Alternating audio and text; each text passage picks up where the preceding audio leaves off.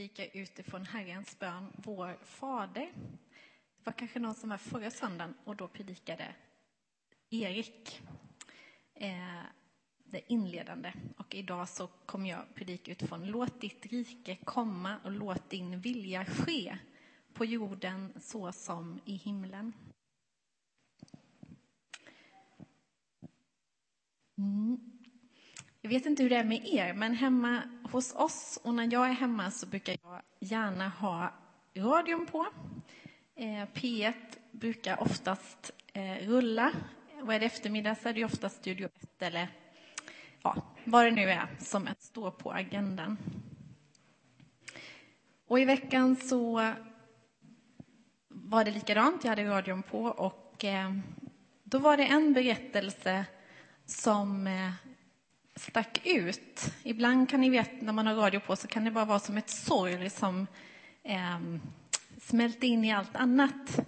Och ibland så letar sig rösterna ut lite mer från det här.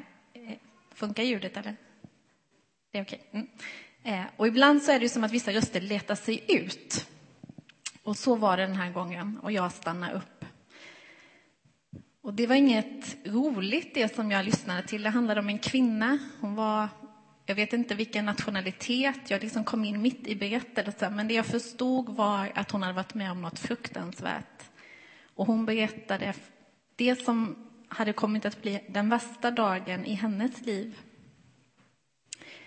Hon var ungefär sex år när det hände och eh, under dagen, som jag förstod det, så kom det soldater hem till dem och tog hennes mamma och pappa och syskon och ja, tog iväg dem. Och kvar blev hon lämnad tillsammans med sin fyra år äldre syster.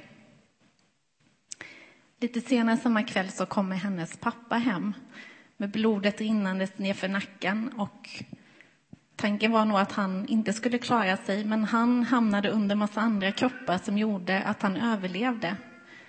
Men han kunde också berätta att, att hennes mamma och syster hade blivit offer för våldets brutalitet. Och inte en dag har gått sedan dess som hon inte har tänkt på sin mamma och saknat sin mamma och syster såklart. Men mamma framför allt. Ja. De här erfarenheterna är hon ju inte ensam om att bära. Ondskans brutalitet och våldet finns i vår värld. Det är ett faktum. Och vi blir i princip dagligen påminda om den verkligheten. Och även om vi kanske inte befunnit oss i krig, alla, en del av er som finns där har, kommer ju från krig och fruktansvärda situationer. Men vi som inte har varit där och har de erfarenheterna vet ju ändå om att ondskan finns. Jag tror alla vi kan eh, ha varit med om saker som har gjort ont i våra liv. Det kan vara allt från ensamhet till sjukdom, till att någon nära går bort och vi känner sorg. Ja, det kan vara väldigt mycket. Och ibland är det som att man inte riktigt orkar ta in allt det mörka. Det är som att man vill bara sätta händerna för ögonen och tänka, jag orkar inte. Det är nästan lite för mycket. Inte minst tycker jag alla berättelser som rör barn drabbar en alltid lite hårdare. Och skulle det vara bara för dessa berättelser så skulle man ju kunna tro att ondskan segrat. Men mitt i denna värld valde Gud att ta sin boning genom sin son för att erbjuda sin räddning för oss, för den som vill ta emot hans förlåtelse. Och i och med att Jesus kom att dö och uppstå så bröt också Guds rike in i den här världen. Och det är ett rike som proklamerar kärlek över alla gränser. Guds rike är inte som vilket annat rike. Det är inte ett geografiskt område som man kan säga, här är det, här tar det slut och här börjar det. Utan det, man skulle nog mer kunna beskriva det som ett andligt område. Guds rike är där Guds vilja sker. Detta innebär att, att eh, där Guds vilja sker, där regerar Gud. Och där Guds vilja sker, där erkänner man Gud som kung. Och det är Guds rike. Så här står det i Johannes kapitel 3, vers 16 till 21. Så älskade Gud världen att han gav den sin enda son för att de som tror på honom inte skall gå under utan ha evigt liv. Gud sände inte sin son till världen för att döma världen utan för att världen skulle räddas genom honom. Den som tror på honom blir inte dömd, men den som inte tror är redan dömd eftersom han inte har trott på Guds enda sons namn. Och detta är domen, att när ljuset kom in i världen så älskade människorna mörkret mer än ljuset eftersom deras gärningar var onda. Den som gör det onda avskyr ljuset och kommer inte till ljuset för att hans gärningar inte skall avslöjas. Men den som handlar efter sanningen, han kommer till ljuset för att det ska bli uppenbart att han gör vad Gud vill.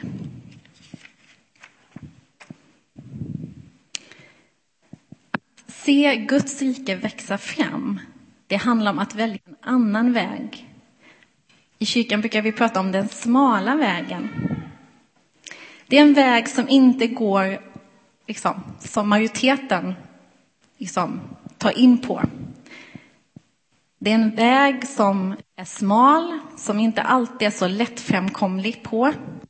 Eh, men det är en väg som leder till evigt liv för den som går den. Jag tror att vi alla vid det här laget känner till Greta Thunberg.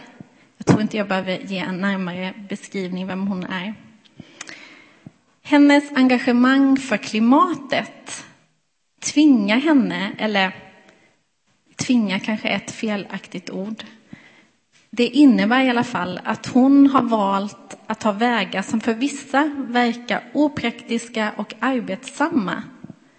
Men hon gör gärna detta därför att hon lever efter sin övertygelse. Det innebär att hon åker båt över Atlanten istället för att ta flyg. En resa som skulle kunna ta en dag för henne, ta flera veckor. Och på samma sätt är det för oss. Livet som kristen är långt ifrån enkel. I Bibeln står det väldigt tydligt om att vi också går på lidandets väg, vi som har valt att följa efter honom. För vår övertygelse får konsekvens i vårt liv och varje dag ställs vi inför olika val. Och när du och jag väljer att leva så som Jesus lär, när vi handlar efter Guds vilja och när vi lyder honom och handlar efter hans principer, då bryter Guds rike in i den här världen. Guds rike börjar med ditt och mitt ja till att leva i efterföljelse till honom. Och vad är det då för rike? Jo, det är ett rike där Guds princip och värderingar får råda. Där vi istället för att ljuga talar sanning. Där vi är generösa och bjuder på vårt överflöd. Eller kanske, om vi inte har överflöd, vi bjuder på det vi har till den som inte har något. Där vi är villiga att förlåta den som står i skuld till oss. Och där vi också är villiga att försöka och sträcka oss mot att älska dem som är våra fiender. Ja, när vi gör detta, när vi väljer en helt annan väg som är helt ologisk för många andra, då bryter Guds rike in där vi går fram. Att vara kristen handlar inte så mycket om min rätt som om andras rätt. Det handlar mer om att, ja, det handlar om att försaka min bekvämlighet, mina pengar, mina ägodelar. Att tjäna mer än att betjänas. Att följa Jesus kan kosta oss vårt liv. Det kan innebära att vi, det står till och med att vi behöver dö bort från oss själva. Så här står det i Lukas 9 och 23 och framåt. Och han sade, om någon vill gå i mina spår måste han förneka sig själv och varje dag ta sitt kors och följa mig. Ty den som vill rädda sitt liv skall mista det, men den som mister sitt liv för min skull, han skall rädda det. Så vill jag också läsa från Filipperbrevet 2, vers 5-11. Och det är ett bibelord som jag ofta blir påmind om i min egen strävan att få min vilja igenom. Då blir jag påmind om detta. Det står så här. Låt det sinnelag råda hos er som också fanns hos Kristus Jesus. Han ägde Guds gestalt, men vakade inte över sin jämlikhet med Gud, utan avstod från allt och antog en tjänares gestalt, då han blev som en av oss. När han till det yttre hade blivit människa gjorde han sig ödmjuk och var lydig ända till döden, döden på ett kors. Därför har Gud upphöjt honom över allt annat och gett honom det namn som står över alla andra namn, för att alla knän ska böjas för Jesu namn. I himlen, på jorden och under jorden och alla tungor bekänna att Jesus Kristus är Herre, Gud, Fadern till ära. Och det är just den här frasen, att han ägde Guds gestalt, men vakade inte över sin jämlikhet med Gud, utan avstod från allt. Jag tänker det någonstans att han som var helig, han som var ren, han som inte hade begått någon synd, som fick ta emot så mycket anklagelse, så pass att det ledde till hans död. Han hade all rätt att kräva sin rätt, men han gjorde det inte.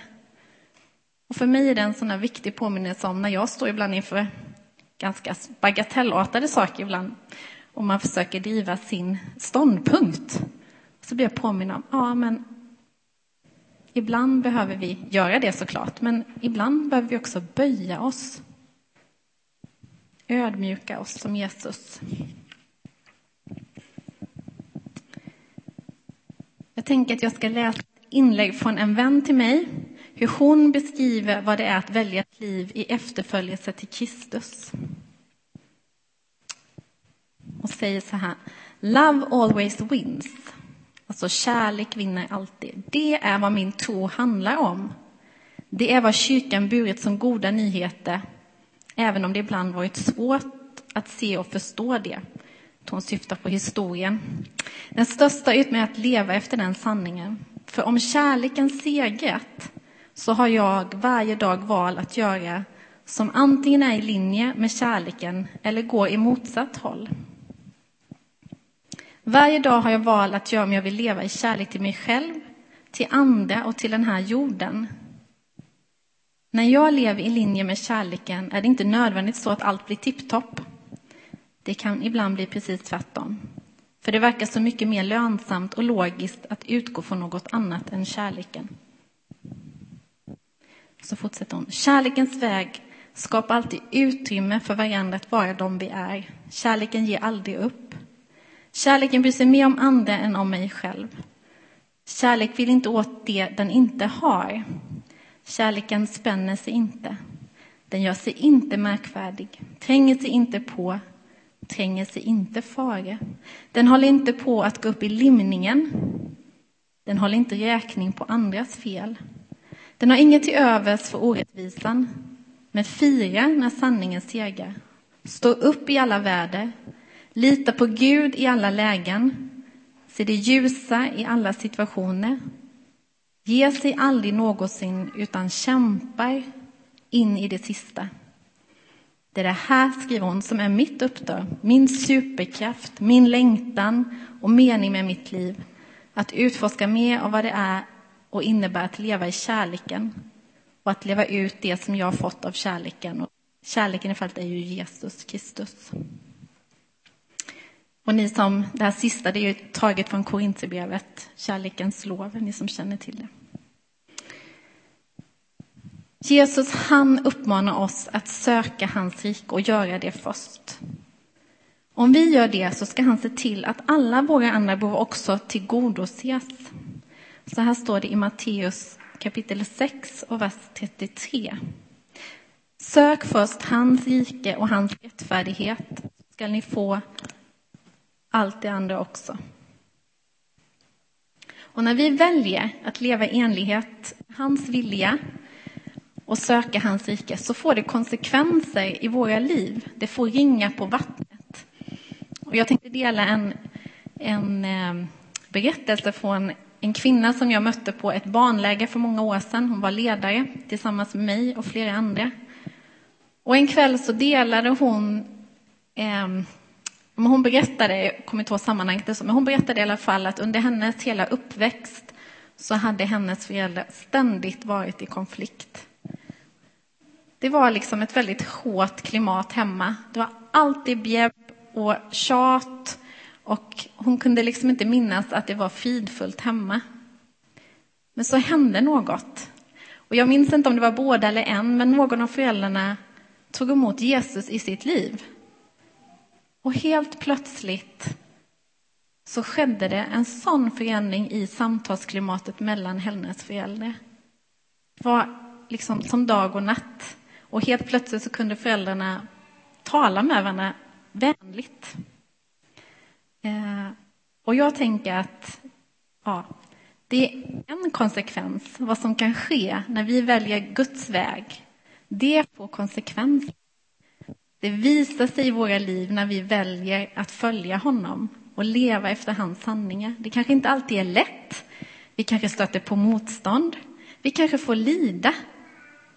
Men det är värt det. För vi har utlovat en lön för mödan.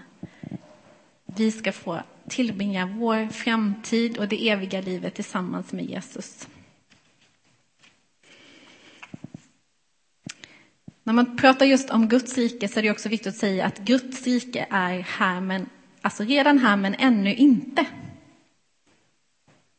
För som jag inledde med den här berättelsen om den här kvinnan som var utsatt för den här alltså brutala händelsen i sitt liv där hennes, hon förlorade sin mamma och syster. Så ser vi ju det. Det är ju högst påtagligt att ondskan finns också här. Även om det finns människor som väljer att leva efter Guds vilja och det händer goda saker, så finns fortfarande ondskan sida vid sida. Men Gud har lovat att en dag ska allt ligga under hans herravälde.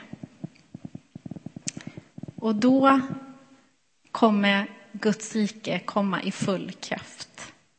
Och fram till den dagen så får vi hålla fast vid det hoppet och vi får be Fader vår, eller vår Fader, och be om att hans rike skall komma. Att hans vilja ska ske på jorden så som i himlen. För det är det löfte han har gett oss. Att han ska komma tillbaka och rädda oss. Och han ska se till att hans rike upprättas fullt och helt i den här världen och i våra liv. Amen. Tack Jesus att du är här. Tack att du går oss till mötes, Herre. Herre, du vet att vi är många som kämpar, Herre, med att leva så som du vill, Herre. Det är inte alltid lätt att göra din vilja, Herre. Tack för att du också tar emot oss när vi gör fel, Herre. Tack att vi får sträcka oss mot dig och be om förlåtelse. Och då tar du oss vid handen och leder oss vidare, Herre. Tack att du hjälper oss att gå den smala vägen, att göra din vilja. Så vi kan få vara med och se hur ditt rike Ta över den här världen, hur ditt rike sprider sig, Herre. Att vi får se helande och upprättande, Herre. Människor som får lära känna dig, Herre, och vända om och gå din väg. Amen.